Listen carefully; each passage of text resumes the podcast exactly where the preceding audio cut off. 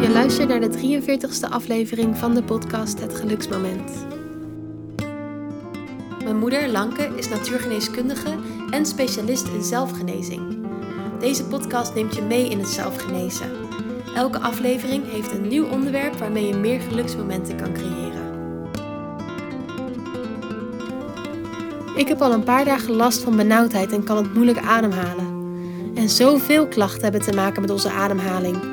Benauwdheid, kortademigheid, hyperventilatie en paniek zijn logisch. Maar ook darmproblemen, kanker en overgewicht hebben te maken met zuurstof en ademhaling. En dat is nog maar een beginnetje, want ademhaling is het meest oer dat we hebben. Het houdt ons lichaam met alle organen in leven. Gezondheid is als een bolwol die in de knoop zit, waar allerlei touwtjes aan hangen. Ademhalen is een makkelijke ingang om gezonder te worden. Deze aflevering is er een over de gevolgen van niet goed ademen en de oorzaken van allerlei ademhalingsklachten. Inclusief twee ademhalingsoefeningen en voedingstips voor meer zuurstof en lucht.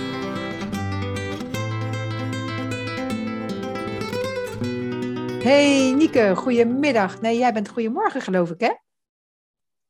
Ja, ik ben goedemorgen inderdaad. Ja. Hoe laat is het nou bij jou daar in, eh, daar in Mexico? Het is nu 9 uur 21, omdat we Oh, ja. natuurlijk aan de Pacifische kust zitten. Ja, dus het is echt een groot tijdsverschil. Ja, want bij ons is het eh, bijna half zes, dus eh, de avondzon eh, die schijnt op het huis. Ik zit dus in, het, eh, in ons kikkerlandje in Nederland en eh, ik ben natuurgeneeskundige voor de mensen die het nog niet weten. En eh Nieke, mijn dochter, die zit in, eh, in Mexico. Die reist eigenlijk de wereld rond, maar op dit moment eh, zit ze daar. Ehm, en wij nemen elke week een podcast op. En ehm, nou ja, dat gaat het is elke keer weer een eh, leuk nieuw onderwerp wat gaat over eh, ja, allerlei inzichten, allerlei tips, ideeën. ehm, soms een visualisatie of een meditatie om, om jezelf gezonder te maken. Ja, precies. En vandaag gaan we het over een heel leuk onderwerp hebben, tussen aanhalingstekens. Want ik heb er op het moment namelijk last van. We gaan het vandaag hebben over ademhaling, benauwdheid. Ehm, we gaan het hebben over hoe belangrijk ademhaling is voor allerlei dingen in jouw lichaam. En ja, hoe gezondmakend het is om een goede ademhaling te hebben. En wat voor klachten er allemaal eigenlijk ge- gebonden gaan met, ehm, ja, met, met benauwdheid of met een slechtere ademhaling, kort ademhaling of eh, dat soort dingen.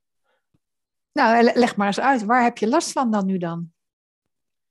Ja, ik heb last van, eh, nou niet van kortademigheid, maar wel van, ja, een beetje benauwdheid. Dus ik kan niet zo heel erg vrij ademhalen.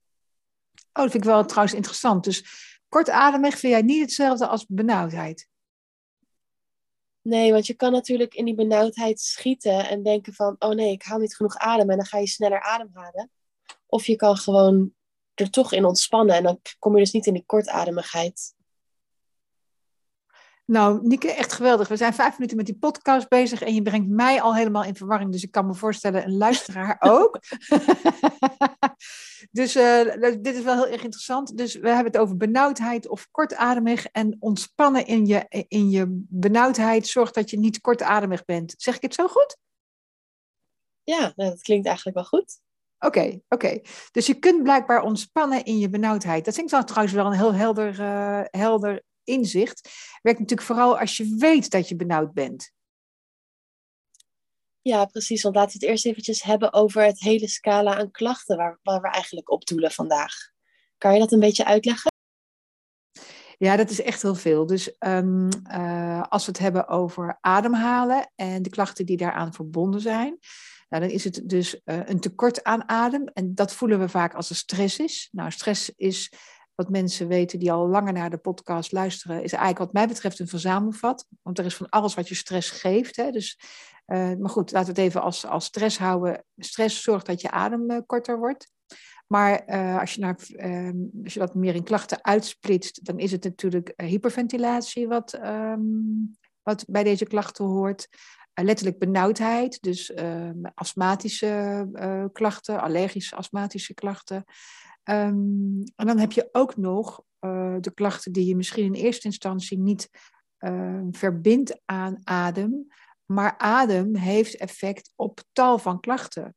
Dus ehm, die klachten kunnen wel uh, individueel al bestaan, maar kunnen, zouden zelfs effect beïnvloed kunnen worden door je ademhaling. En waar doel ik dan op? Nou, eigenlijk natuurlijk, ja, adem is de belangrijkste lichaamsfunctie die we hebben. dus uh, je kunt uh, best lang zonder uh, eten en drinken. Ik weet niet meer hoe lang. Misschien weet jij dat. Maar je kunt maar een paar minuten zonder adem. En adem is dus nodig in alle cellen van je lichaam en in alle organen van je lichaam. Dus enorm veel verschillende lichaamsklachten worden verergerd, kunnen verergerd worden door adem. Ja, leg ik het zo in eerste instantie al goed uit? Ja, precies. Want ja, zuurstof is gewoon het, eigenlijk hetgeen dat ons hele lichaam gezond houdt en in leven houdt. Ja, en dat is dus ook letterlijk zo. Dus als je naar de uh, meest ernstige ziekte kijkt die ons kan overkomen, dat is natuurlijk kanker. Hè? En uh, nou blijkt kanker zich ook alleen maar te kunnen ontwikkelen in een zuurstofloze omgeving. En um, ik heb wel eens alle, alle alternatieve therapieën van, uh, van, van, kanker op een, uh, van kanker op een rijtje gezien. Van tumoren moet je dan zeggen. En uh, wat die uh, therapieën gemeenschappelijk hadden, was um, dat het allemaal ging over zuurstof of lucht. Dus hoe breng je meer zuurstof of meer lucht, meer, um, ja, meer zuurstof, zeg het zomaar even, in je lichaam. Nou, en dat is natuurlijk heel gek. Ja, want in eerste, eerste instantie door ademhalen. Ja, dus we hebben het nu gehad over uh, hoe ademhaling heel veel dingen in je lichaam ook kan verbeteren. En dan moet ik denken aan, aan onze vertering eigenlijk meteen. Aan onze vertering van onze voeding en aan onze darmen. Wat, wat is daar de invloed van ademhaling op als daar een invloed in zit? Nou, dat is wel een hele heldere vraag. Je ademhaling heeft eigenlijk op alle organen een positief invloed. Dus uh, inderdaad, op je vertering, op je darmstelsel, uh, heeft de ademhaling ook een positieve invloed. En ja, zoals we allemaal weten, eh, zijn die darmen weer verbonden met, daar ligt het belangrijkste deel van je immuunsysteem, daar wordt het meeste serotonine geproduceerd. Is ook heel belangrijk in je hormoonstelsel. En zo verbinden we eigenlijk altijd weer zenuwstelsel, hormoonstelsel en darmstelsel met elkaar. Dus, um, dus ademhaling is enorm belangrijk, een goede ademhaling, om dat hele systeem, om die drie systemen allemaal op zich uh, gezonder te krijgen. En ook om de communicatie ertussen weer, uh, dan weer te verbeteren. En ja, daarom past ook ademhaling heel goed in het uh, vijf-stappenplan, wat ik, uh, vijf-stappen methode die ik heb om chronische klachten te verminderen of te laten verdwijnen. Omdat het dus altijd weer gaat over uh, optimale staat van deze drie systemen en optimale afstemming ertussen. Dus ademhaling is een fantastisch middel voor, uh, voor zelfgenezing. Ja, en, maar hoe zit dat dan precies? Ja, zuurstof is belangrijk natuurlijk voor elk orgaan, maar hoe is het dan juist specifiek belangrijk voor je darmen? Nou ja, je merkt natuurlijk ook als je een uh, tekort aan adem hebt, dan ga je dus ook meteen uit je, uit je buik weg. dus uh, denk maar aan als je korte ademhaling hebt, dan breng je dus je adem naar boven. Dus, um, dus daar is ook, dat is meteen een van de eerste plekken waar die adem verdwijnt bij, kort, bij. Dus bij, lang adem, uh, bij langer adem ademen gaat er juist adem naar die, uh, naar die buik. En wordt dus, dus daar, daar is het effect heel direct. Ja, ik moet dan bijvoorbeeld ook wel denken aan als ik soms diep ademhaal en echt ademhaal vanuit mijn buik, dat dan opeens mijn buik begint te rommelen. Ja, dus die vertering die neemt, uh, die neemt uh, toe, inderdaad. En, en met, met, met de vertering van je voeding, ja, dat is natuurlijk weer de basis van voedingsstoffen die je in je lichaam krijgt hè, op fysiek niveau. Maar vertering is ook uh, mentaal-emotioneel niveau. Dus dan komen we weer op het hele onderwerp darmen terecht. Volgens mij hebben we er wel eens een podcast over gemaakt. Maar ja, dus adem zorgt voor vertering, zowel fysiek als mentaal-emotioneel. Dus dan heb je weer um, ja, de juiste afbraak en de juiste ontspanning. Uh, maar wat ook op dus fysiek weer heel ver kan doorwerken. En zou je bijvoorbeeld, want nu zit ik te denken, zou je ook meer zuurstof en lucht um, binnen kunnen krijgen door bijvoorbeeld je voedingspatroon? Ja, dat is een hele interessante, maar dat stel ik liefst nog even uit tot straks. Uh, want we hebben het dan niet alleen over zuurstof, we hebben het dan ook over licht. En dan komen we inderdaad op een bepaald type voeding uh, uit. Uh, maar laat ik nog heel eventjes teruggaan naar het fysieke uh, stuk van uh, zuurstof. Er zijn ook boeken geschreven over overgewicht en um, tekort aan zuurstof. En ja, voor de medisch onderlegde mensen die hier, misschien hier naar luisteren, dat gaat dan vooral over die mitochondriën. Dat is een, een, orgaan in elke cel en dat is je energiecentrale. Dus um, je hebt ook een bepaald, je hebt ook mitochondriën nodig om die zuurstof in je cellen te kunnen laten. Dus het is niet alleen een kwestie van uh, beter uh, ademhalen, jazeker, maar ook bijvoorbeeld bewegen of um, om goede mitochondriën te kunnen krijgen. En die zorgen weer voor een betere energiehuishouding. En die kunnen dus ook weer zorgen voor een ander gewicht. Ja, dus dat is natuurlijk een, een, een ogenschijnlijke klacht. Je denkt, ja, in eerste instantie is overgewicht een probleem van voeding. Nou, wij hebben in het verleden al podcast gemaakt dat overgewicht ook, een, ook verbonden kan zijn aan je mindset. Maar het kan dus ook te maken hebben met je zuurstofhuishouding ehm, in je lichaam. Ah ja. Ja, en, en wat zegt het dan over jouw gezondheid en over jouw lichaam als je bijvoorbeeld last van kortademigheid hebt? Ademigheid?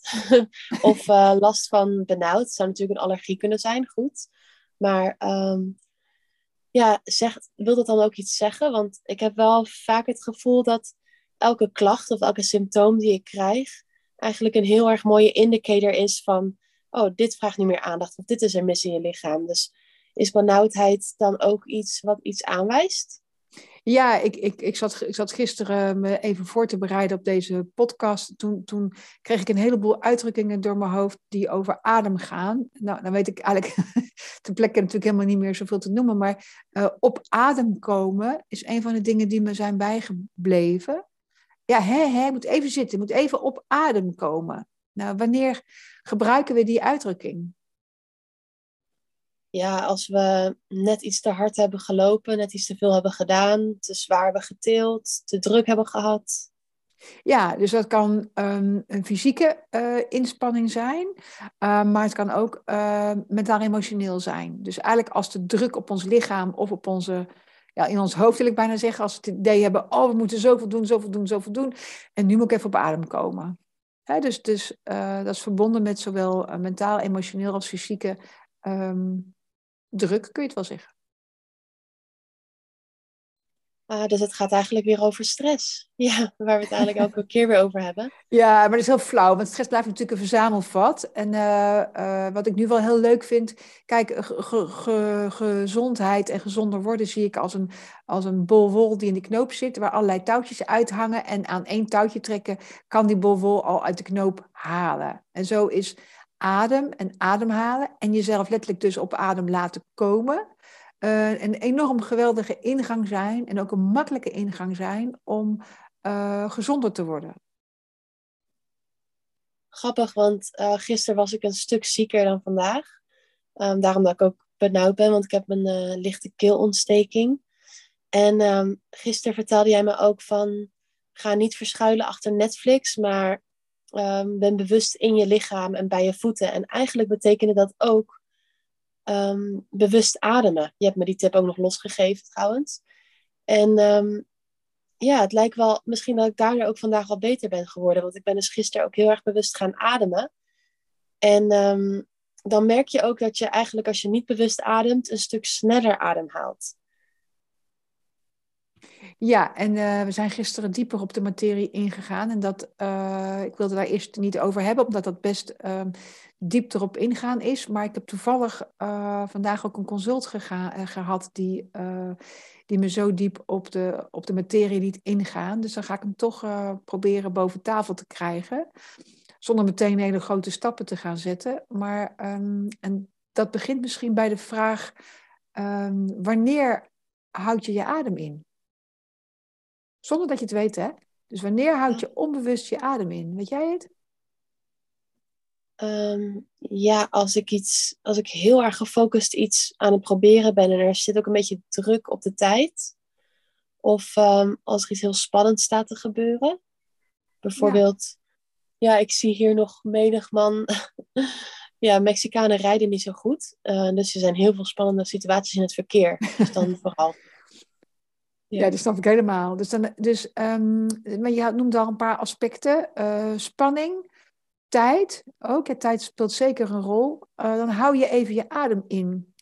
En um, uh, ik weet helemaal niet hoe ik nou, of nou naar het onderwerp kan komen waar, waar ik het vandaag over gehad heb.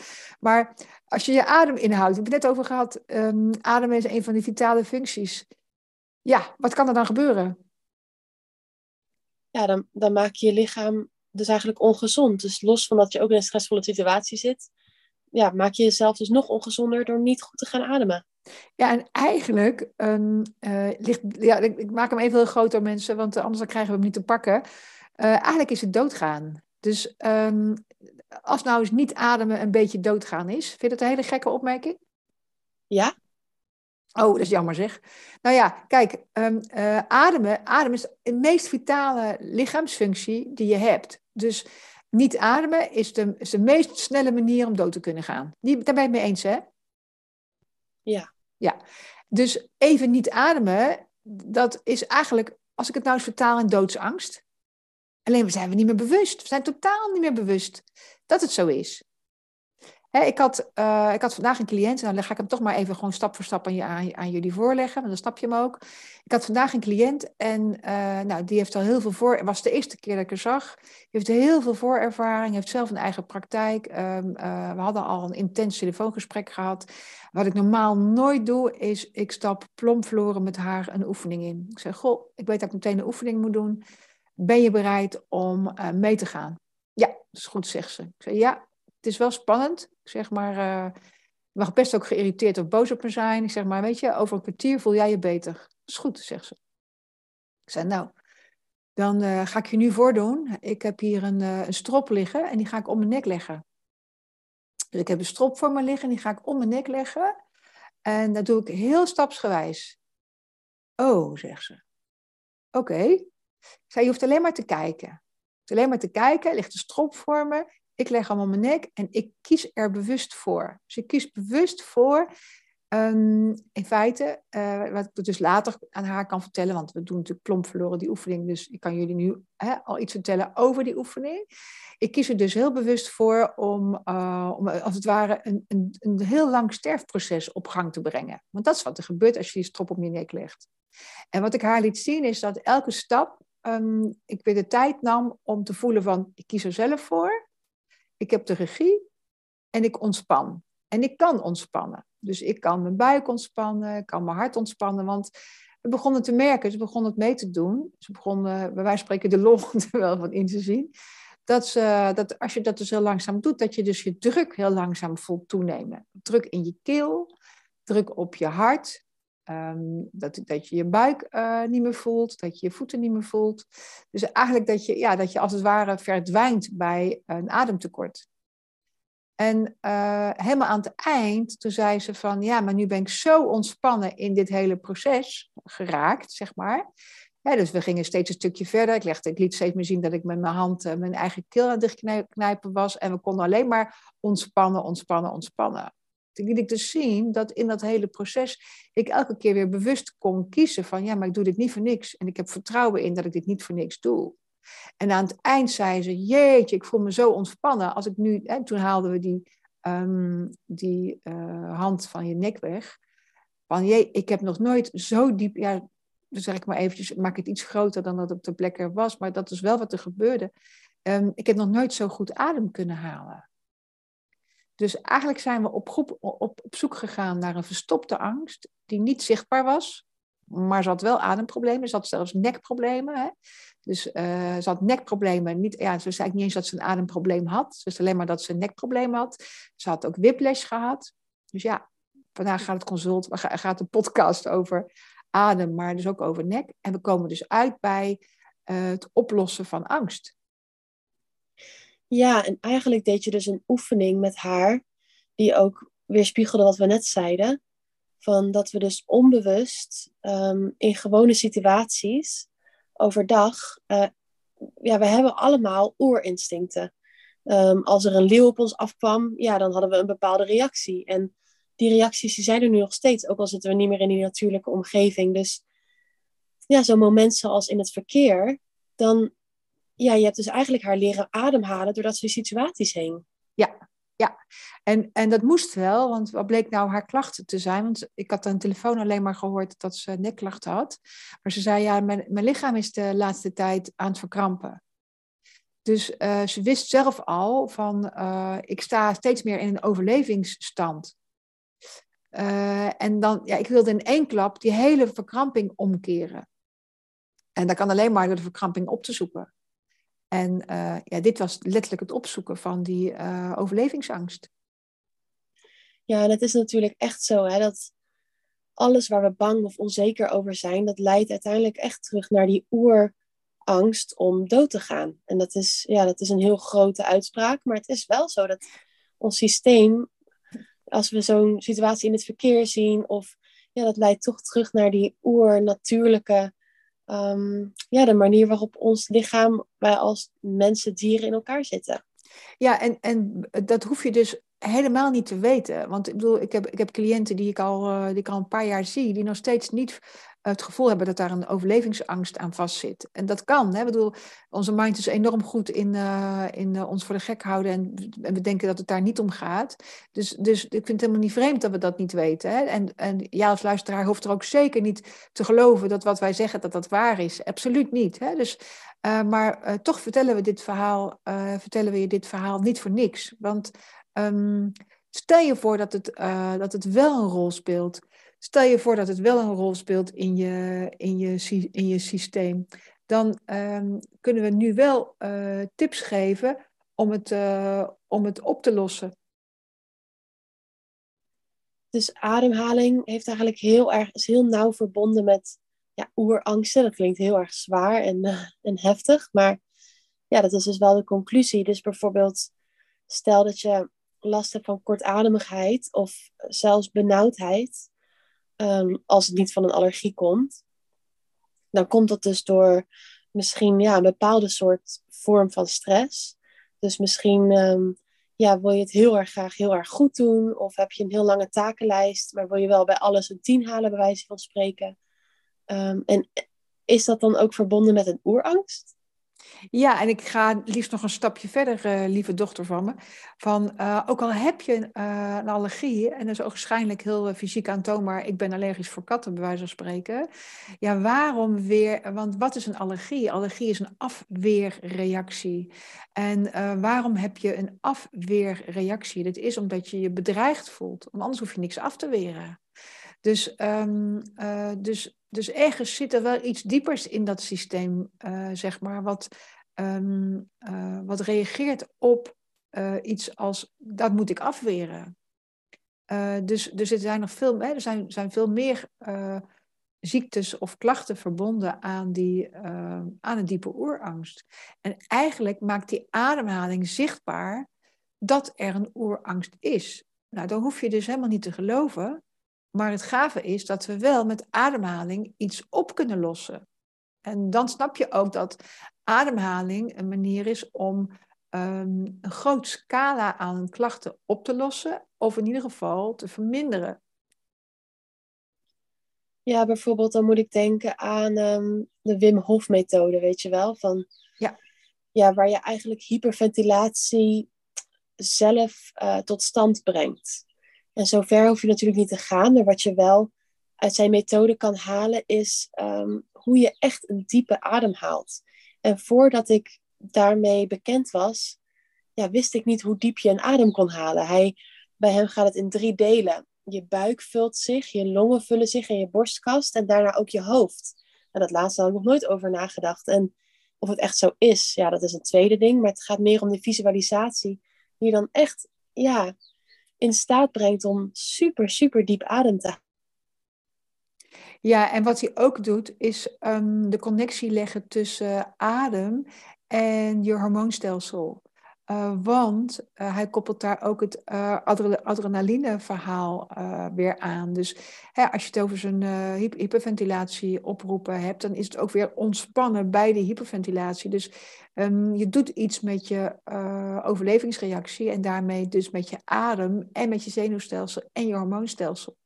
Dus ademoefeningen zijn een manier om uh, op een heel diep niveau, op een kleine manier, hè, kleine oefeningen, om, op een heel, om heel diep in je systeem veranderingen te bewerkstelligen.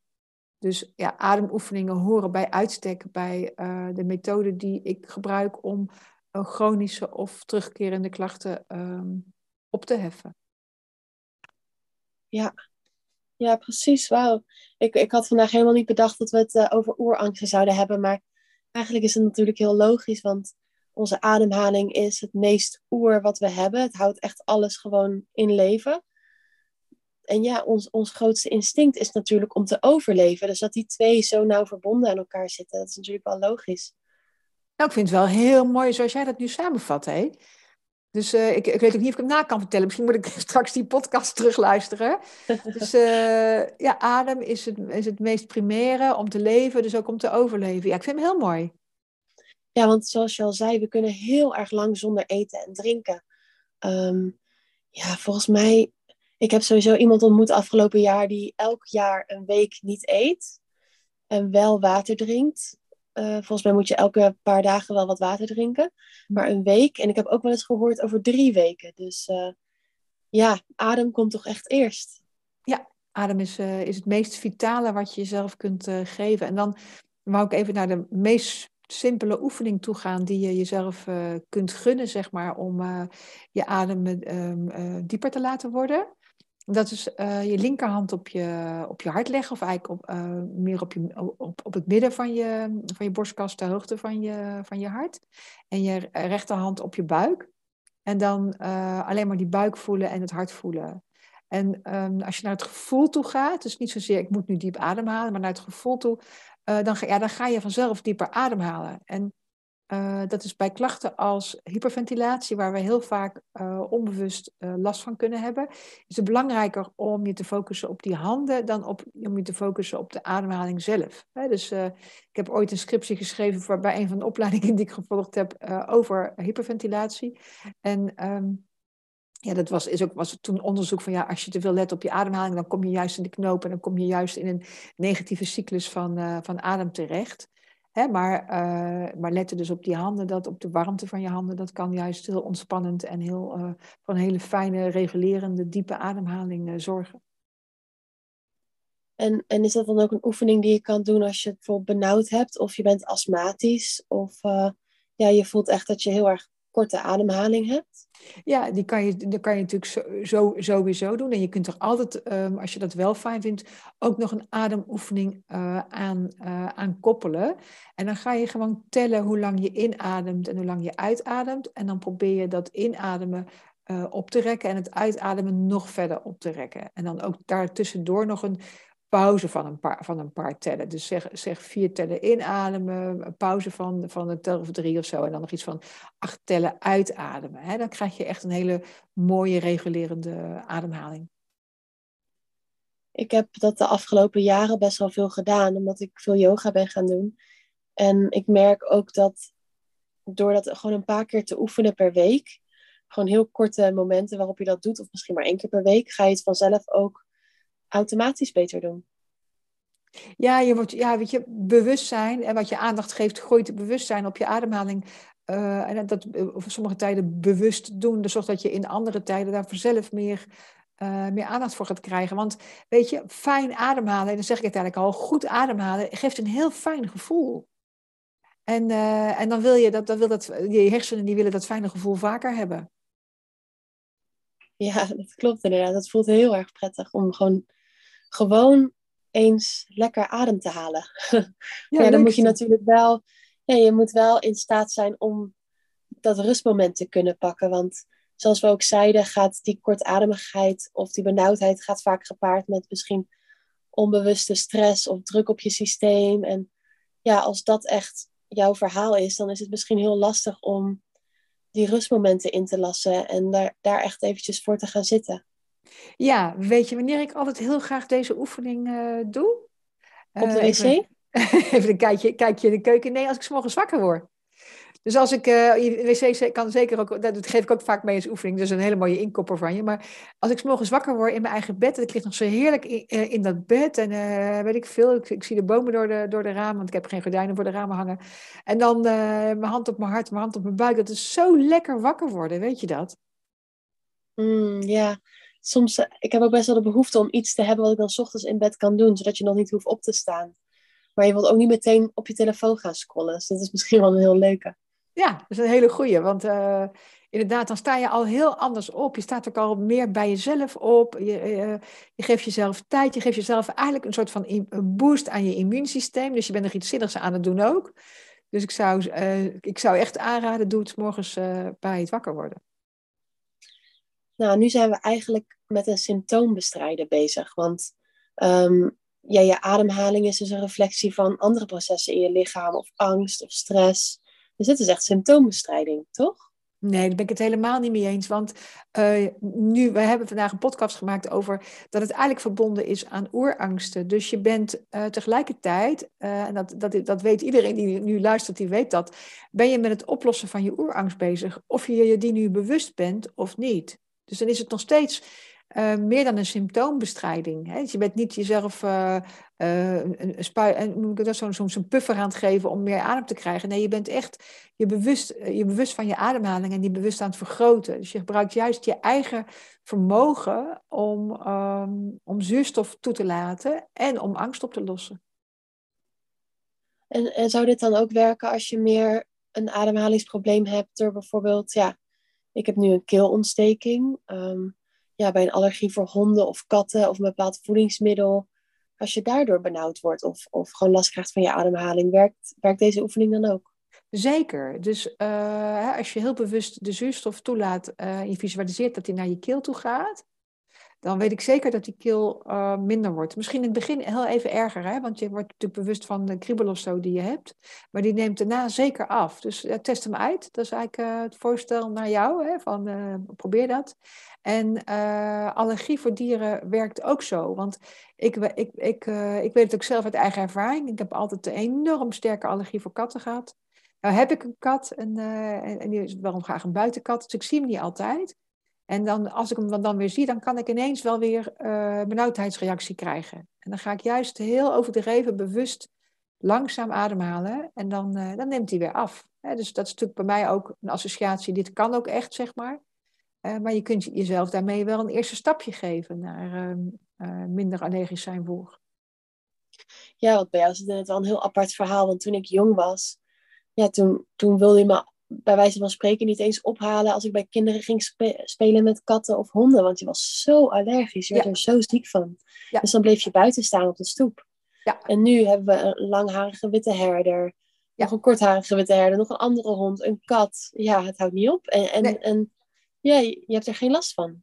Nee, Nee, maar dat is inderdaad, uh, nou ja, goed, ik ben natuurlijk een therapeut uit, uit eigen ervaring en gelukkig 15 jaar ervaring met cliënten. Maar ja, dat, dat, dat is wel uh, een flinke ervaring geweest om inderdaad uh, daar, daar te kunnen komen. En adem is de eerste stap misschien wel, omdat je dus jezelf eigenlijk bewust opdracht geeft om te ontspannen in wat jou eigenlijk spanning geeft. Want je weet dat je allergisch bent voor zo'n dier of weet ik veel wat. En je geeft nu je zelf een opdracht. Je mag, je mag vertrouwen, hè? je mag ontspannen. Want ontspannen, uh, rustig ademhalen doe je alleen maar als je het vertrouwt. Dus je draait de boel eigenlijk om. En daarom vind ik het ook zeker geen symptomatisch uh, middel, maar echt een, een oorzaak-oplossend middel. Omdat je dus eigenlijk op jezelf uh, opdracht geeft en dus je systeem zelf ook omkeert. Ja, dat klopt. Want je zou dus inderdaad in eerste instantie in kunnen gaan op uh, wat geeft me nou eigenlijk stress en hoe je dat op kan lossen. En misschien is het een bepaalde overtuiging of zet je jezelf tot iets aan. Maar je zou dus ook gewoon kunnen beginnen bij het lichaam. Want als jij in die situatie zit en je hebt kortademigheid, dan ja, is je lichaam misschien ook een beetje verstart of gespannen. Dus je zou ook gewoon inderdaad bij het lichaam kunnen beginnen. Als ik bijvoorbeeld benauwd ben of een allergische reactie krijg, merk ik ook dat ik ga tanden knarsen. Of uh, af en toe wat spanning, ja, gewoon echt spanning om mijn spieren heb staan. Ja. En dat besef ik me ook nu pas. Dus ja, dat is gewoon de lichaamsingang om, uh, om die klacht op te lossen. Ja, heel mooi. En dan kunnen we nu als, uh, als, als afsluitend onderwerp nog even over voeding uh, gaan hebben. want ja, dat vind ik best een ingewikkeld onderwerp om dat praktisch over te dragen. En zoals je weet, ja, hou ik wel van. dit is al best een um, onderwerp vandaag. We komen opeens van, van, van, van ademhalen op, uh, op overleven, overlevingsangst terecht. En dat, dat, dat zal niet iedereen herkennen. gelukkig kon jij er net een hele mooie samenvattende eh, zinnen daarover maken. Maar zo is het met voeding eigenlijk ook. En, ehm, want als we het over uh, adem hebben, hebben we het over lucht. En hebben we het wat mij betreft ook over licht. En um, er is een hele voedingsideologie die hierover gaat. En um, in Antwerpen wordt die ook, trouwens in Nederland ook, ook gedoseerd. En dat is voedingsideologie die uh, Dr. Pop heeft ontwikkeld in de jaren, ja, in ieder geval in, een, eeuw geleden. En Dr. Pop die kon licht meten in voeding. En ja, dat is natuurlijk semi-wetenschappelijk, want ja, hoezo kun je licht meten in voeding? Dat is natuurlijk allemaal best wel, uh, ja, nogmaals, hoef je ook niet te geloven, maar het ging dus over fotonen, over, over, over lichtdeeltjes in voeding. En um, de, de voeding die het meeste lichtdeeltjes in zich had, dat was dan voeding waar veel water in zat. Dus hè, we hebben het dan eigenlijk over zuurstof, we hebben het over uh, lucht. Maar hij vertaalde dat naar licht en hij vertaalde dat dus naar waterrijke voeding. Interessant, of niet? Ja, en het interessante is vooral dat je zegt van je hoeft het niet te geloven, maar je vertelt hier wel een super wetenschappelijk verhaal van fotonen meten. Ja, dus inderdaad wel een, eh, een verhaal over fotonen meten en um, inderdaad uh, ja, een hele, hele ja, wetenschappelijke relaas wat daarachter uh, zat en zit. En ik weet dat ze nu zelfs in, in Engeland aan de universiteit ook onderzoeken doen met ehm, ja, weet ik veel, de uitstralingen van groentes meten. Hè? Dus ze, ze zijn daar wel mee doorgegaan. En uh, als je dus vraagt van, je afvraagt van, goh, wat, wat, is dan, uh, wat zijn dan de, de, de, voedingsmiddelen die het meeste licht of lucht, zuurstof in zich hebben, dan zijn het dus de waterrijke voedingsmiddelen in het algemeen. Dus juist de komkommer, die, uh, waarvan we zeggen, ja, er zit niet zoveel vitamine in, die, kunnen juist, die kan juist wel weer gezond zijn in het licht van, van fotonen of, of lucht. En um, uh, maar dan is het natuurlijk wel een komkommer die ook in natuurlijke zo, zo, natuurlijk mogelijke omstandigheden heeft kunnen groeien. dus als je iets hebt wat heel snel in de kas is opgegroeid, ja, hoeveel lucht en licht heeft het dan op kunnen nemen? dus het gaat wel ook over groentes die uh, dus waterrijk zijn aan de ene kant en genoeg zonne-energie hebben kunnen uh, opnemen aan de andere kant. Ja, oh, dat is best wel een lastige. Vooral in Nederland heb je daar nu wel wetten over, dat je sowieso kan zien waar jouw product vandaan komt. Um, ja, maar dat blijft natuurlijk wel lastig, want ik denk dat de meeste producten die in Nederland liggen, bijvoorbeeld worden geproduceerd in de kassen van Zuid-Spanje en Portugal. Ja, dus dat is in het algemeen best wel ingewikkeld. Maar uh, weet je, ken jij een plaatselijke groente, groenteteler? Wij, wij halen onze groenten van een boerderij. Er zijn steeds meer mensen die dat doen. Uh, hè, en je weet, of je weet waar die, waar die komkommer vandaan komt. Ja, dan, dan is het opeens een hele fijne groente om te gebruiken. Maar ja, het is natuurlijk niet in deze tijd van het jaar. Hè? Dat is echt pas in die zomermaanden dat die... Nee, nee dat die groentes vrijkomen. Hè? Of je hebt een, een, een ananas die, die wel, uh, die, wel die, niet, die, niet, die niet onderrijp werd, werd geplukt. Dus ja, weet je, dat is natuurlijk best lastig inderdaad, omdat, uh, omdat ja, in vooral in deze tijd van het jaar, om dat voor elkaar te krijgen.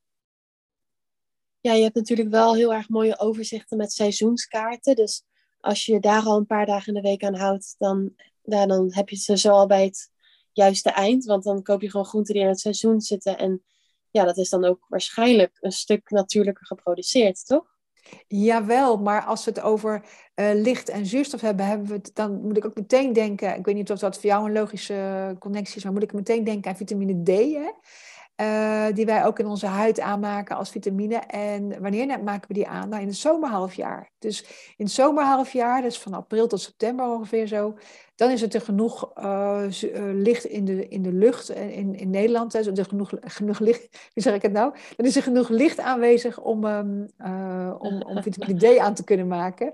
En, en ja, ik geloof ook dat, dat, dat dat dan ook weer een relatie heeft met hoeveel uh, ja, hoe gezond dan die, um, die groenten zijn in het licht van, in het licht van licht, in het licht van zuurstof. Ja, kan je me nog volgen of niet? ja, ja dat gaat nog. Oh, dat is heel fijn. Dus, ja, dus dat is best lastig in deze, tijd, uh, in deze tijd van het jaar. Ja, dus in de winter vooral die lichaamsoefeningen en lichaamsbewustzijn daarop investeren. En dan in de zomer vooral lekker veel um, komkommers eten of zoiets. Ja, en plaatselijk fruit. Van de, hè, dus fruit dat wat in die maanden geproduceerd wordt uh, hier in Nederland. Aardbeien, ik geloof, wel dat die flink bespoten kunnen zijn, maar als, je, als je kijkt naar hoeveel zuurstof erin zit of licht erin zit, zijn ze dus wel weer heel erg, heel erg goed. En dat is wel weer leuk, vind ik altijd, want je hebt natuurlijk altijd verschillende dingen naar, waar je naar kunt kijken. Je kunt kijken naar hoeveelheid licht, je kunt kijken naar seizoensgebonden, je kunt kijken naar, dus waar komt het vandaan, aantal bestrijdingsmiddelen. En ja, wat misschien in, in het kader van het een niet zo gezond is, is in het kader van het ander wel weer heel gezond. Dus is misschien wel de belangrijkste uh, advies, blijf, blijf variëren in, in wat je eet. Ja, precies, want daar zit ik altijd, altijd wel mee als ik in de supermarkt sta. Want het ene zit dan verpakt in plastic, maar is wel biologisch. Uh, snap je? En het andere is dan wel lokaal, maar wel bespoten. Dus uh, ja, je moet er echt inderdaad afwegingen in maken. En vooral uit eigen ervaring zou ik daar geen strakke keuzes in maken, maar afwisselen. Want ja, het heeft dus allerlei voordelen en nadelen ook weer. Dus de afwisseling is vooral belangrijk, denk ik. Ja, de afwisseling is belangrijk. En uh, nou, we hebben het vandaag dus over ademhaling gehad. Maar wat natuurlijk ook belangrijk is, het is nu, uh, eind, het is nu de lente is hier begonnen. Het is nu eind maart. Nou, ga vooral ook eens onbedekt, 10 minuten op zijn minst. Maar wat mij betreft mag het echt wel een stuk langer. Uh, mag ik niet te hard zeggen, want dan krijg ik daar weer reacties op. Maar blijf vooral eens, ga vooral eens gewoon onbeschermd in de zon zitten. En hoeft niet op het heet van de dag te zijn, hè, maar, maar want er zijn natuurlijk mensen met, met huidaandoeningen en zo. Maar via je ogen wordt nog de meeste vitamine D aangemaakt. Er zijn in ieder geval ook onderzoeken die dat uitwijzen. Maar gewoon onbedekt. Um, ja, van de zon genieten.